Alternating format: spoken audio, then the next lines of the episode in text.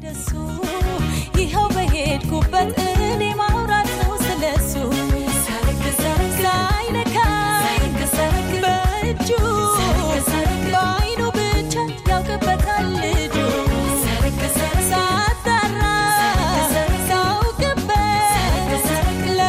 ልጁ ብዙ ክስ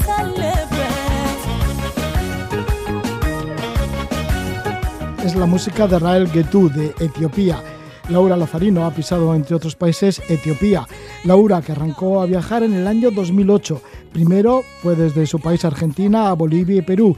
Pasó también por México, por India. Conoció a Juan Villarino, otro viajero empedernido de Mar de Plata, también en Argentina. Ambos hicieron 36.000 kilómetros en autostop por Sudamérica y en barco llegaron a la Antártida. Emplearon un año y medio en este periplo y luego pues estuvieron un año por Europa. En enero de 2016 comenzaron la aventura africana, cruzaron el continente durante 16 meses en autostop desde el Cairo y Alejandría pues hasta Ciudad del Cabo en Sudáfrica. Laura y Juan volvieron a Argentina a mediados de 2017, de nuevo viajaron por Latinoamérica y se separaron a mediados de 2019. Desde entonces Laura pues se ha movido por Marruecos, por Turquía e Irán y ha estado escribiendo pues el libro África Madre, que es el primero de una trilogía sobre su gran viaje por el continente africano. Laura, pues fíjate que es una trilogía. ¿Por qué lo vas a dividir en tres, en tres libros? Tu historia, tu aventura africana. Bueno, porque en realidad me parece una decisión bastante natural. A ver, cuando uno está haciendo un viaje, un viaje tan intenso, tan edificante, como dijo antes Pablo, a veces hace falta un poco de distancia geográfica y de tiempo para poder procesar todo lo que lo que una vivió, para poder entender. Y me encontré con dos con dos situaciones. La primera y la principal es que uno puede meter dentro de un libro un viaje de 18 meses por Sudamérica, como hice con el libro anterior, porque todo, si yo digo Hugo Chávez, todo el mundo sabe quién es Hugo Chávez. Eh, tenemos, digamos, un, una cultura que es bastante similar, eh, los medios de comunicación nos traen noticias de Latinoamérica. En cambio, con África, meter todos esos países en un solo libro me parecía que iba a quedar primero una enciclopedia, porque tener que dar un background, dar un contexto, eh, cosas que ni siquiera yo sabía antes de viajar. Entonces iba a quedar muy largo y digo, bueno, no quería recortar y que fuese una cosa que pasara muy por arriba. Pero más allá de la cuestión práctica, si se quiere, de, de la autopublicación, es porque luego de ese viaje, años más tarde y mirando hacia atrás, me di cuenta que había tenido tres etapas muy grandes, muy marcadas, no solamente o no tanto por lo geográfico, sino también por lo que había sido mi experiencia, en donde hubo una primera etapa que fue desde Egipto hasta Etiopía, que a mí se me hizo muy difícil, muy dura, muy de shock cultural para poder entender, bueno, en dónde estoy, cómo, cómo es este nuevo escenario.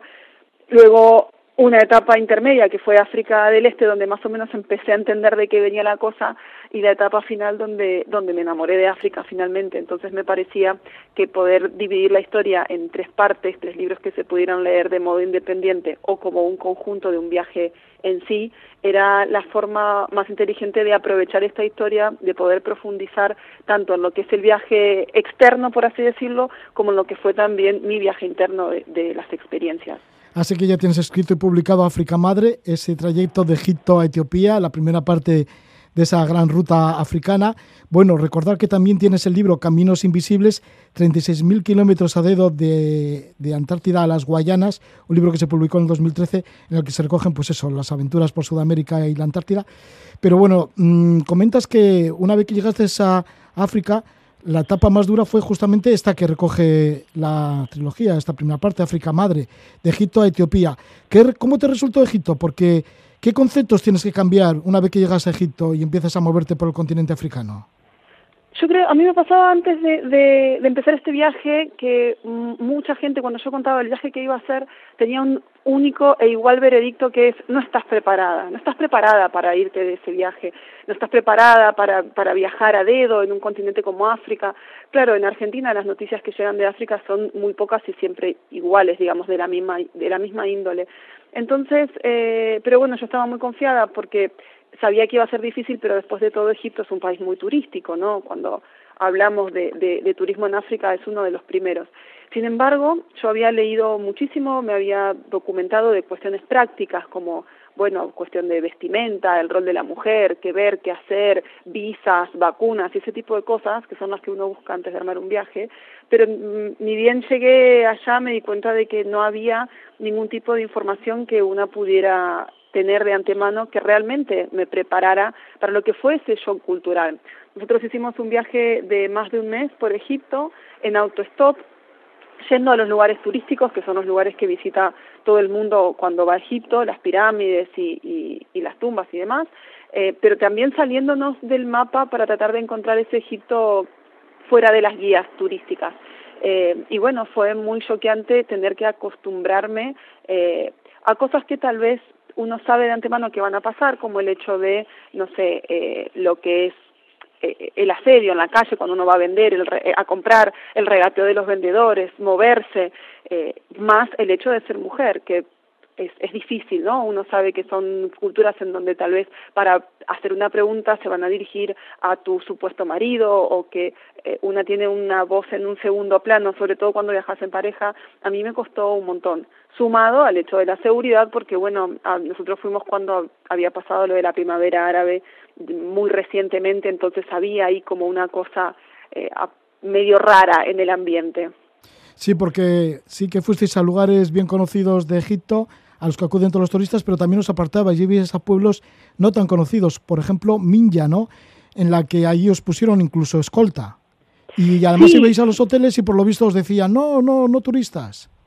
Era una cosa muy rara porque vos sabes, Roge, que, a ver, uno, yo llevo muchos años viajando en autostop y generalmente la gente asocia el hecho de viajar haciendo dedo con la inseguridad.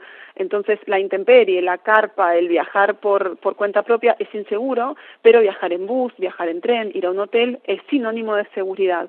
Nosotros llegamos a Minia, que es una aldea que está al sur del, va una aldea, no, perdón, es una ciudad que está al sur del Cairo, y queríamos desde ahí recorrer otras aldeas al margen del Nilo, entonces la primera parada fue Minia, y cuando llegamos nos encontramos con una ciudad preciosa, se la conoce como la novia del Nilo, porque tiene una corniche, una costanera muy, muy bonita, y bueno, lo primero que hicimos fue ir a buscar un hotel, y no, no hay lugar bueno, puede ser, en el primero no hay lugar, vamos al segundo, resulta que al quinto hotel no hay lugar hasta que alguien nos explicó, un recepcionista dijo, no, para mí los turistas son un problema, por seguridad no los puedo alojar.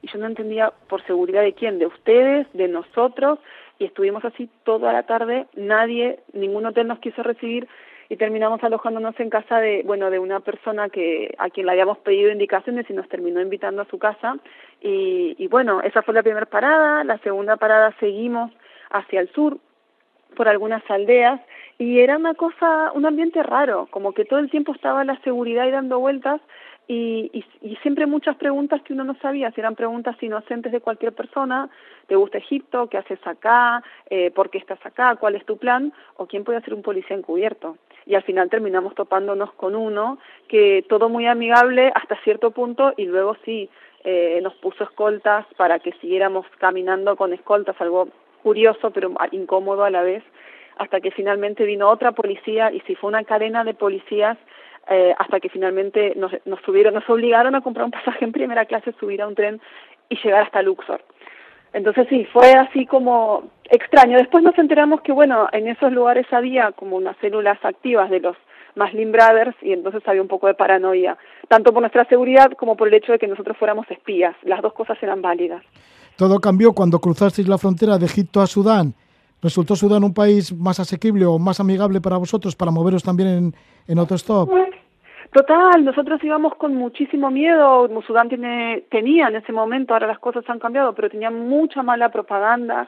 Estaba bloqueado por Estados Unidos. La guerra había sido una cosa muy reciente y yo entré con mucho miedo. Y sin embargo, me encontré con un país por demás de amigable, en donde todo lo contrario que en Egipto, bueno, es un país menos poblado también, pero la gente muy tranquila, como que no, no teníamos que lidiar con esa cosa diaria eh, del asedio constante o la desconfianza, sino todo lo contrario. Sudán fue uno de mis países preferidos de África, definitivamente. En cuanto a Etiopía, os encontrabais con una gran cultura también. Bueno, la misma que puede tener Sudán, que también tiene muchísima cultura, y no te digo Egipto. Pero bueno, Etiopía es fuera de lo común también, ¿no? Etiopía es un país único, es un país único en un montón de aspectos.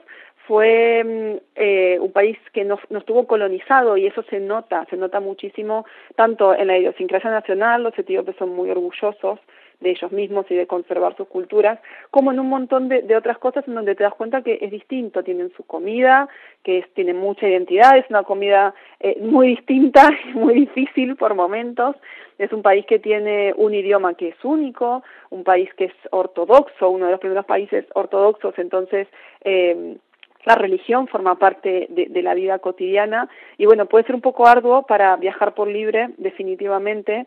Eh, no tanto si uno viaja en tours porque está muy muy abierto al turismo, pero para viajar por libre puede ser complicado. A veces la gente es un poco reticente al turista, sobre todo en lugares que no que no son muy grandes, pero bueno, superadas las dificultades, sí que es un país único y, que vale la pena. En el camino por el continente africano, seguramente que en Egipto pues sí te iba chocando todo y tienes que cambiar de costumbres, de incluso de medir el tiempo de manera diferente. Mm, finalmente, Em, ¿Fue toda una prueba? ¿Has aprendido mucho? Totalmente. A ver, la trilogía se llama África Madre y este primer libro, que es el que acabo de publicar hace un par de meses, se llama La Iniciación, porque yo sentí que, que en mi vida viajera, por así decirlo, el viaje por África era un viaje que iba a marcar un antes y un después, era un pasaje eh, de, de, iniciación, ¿no? Como, como en muchas culturas los hay. Y sí, yo tuve que aprender un montón, que me cuestioné, Pablo hablaba antes de las reflexiones, me cuestioné muchísimo lo que es normal, lo que es correcto, lo que está bien, lo que está mal. Y sobre todo, algo que no me había pasado en otros viajes, tal vez porque yo era más chica o porque era menos consciente, eh, el hecho de mi rol de mujer. Nosotros, eh, hay muchísimas mujeres viajeras, siempre las hubo, pero en líneas generales, la mayor parte de la información que abunda en Internet es información que está escrita por hombres.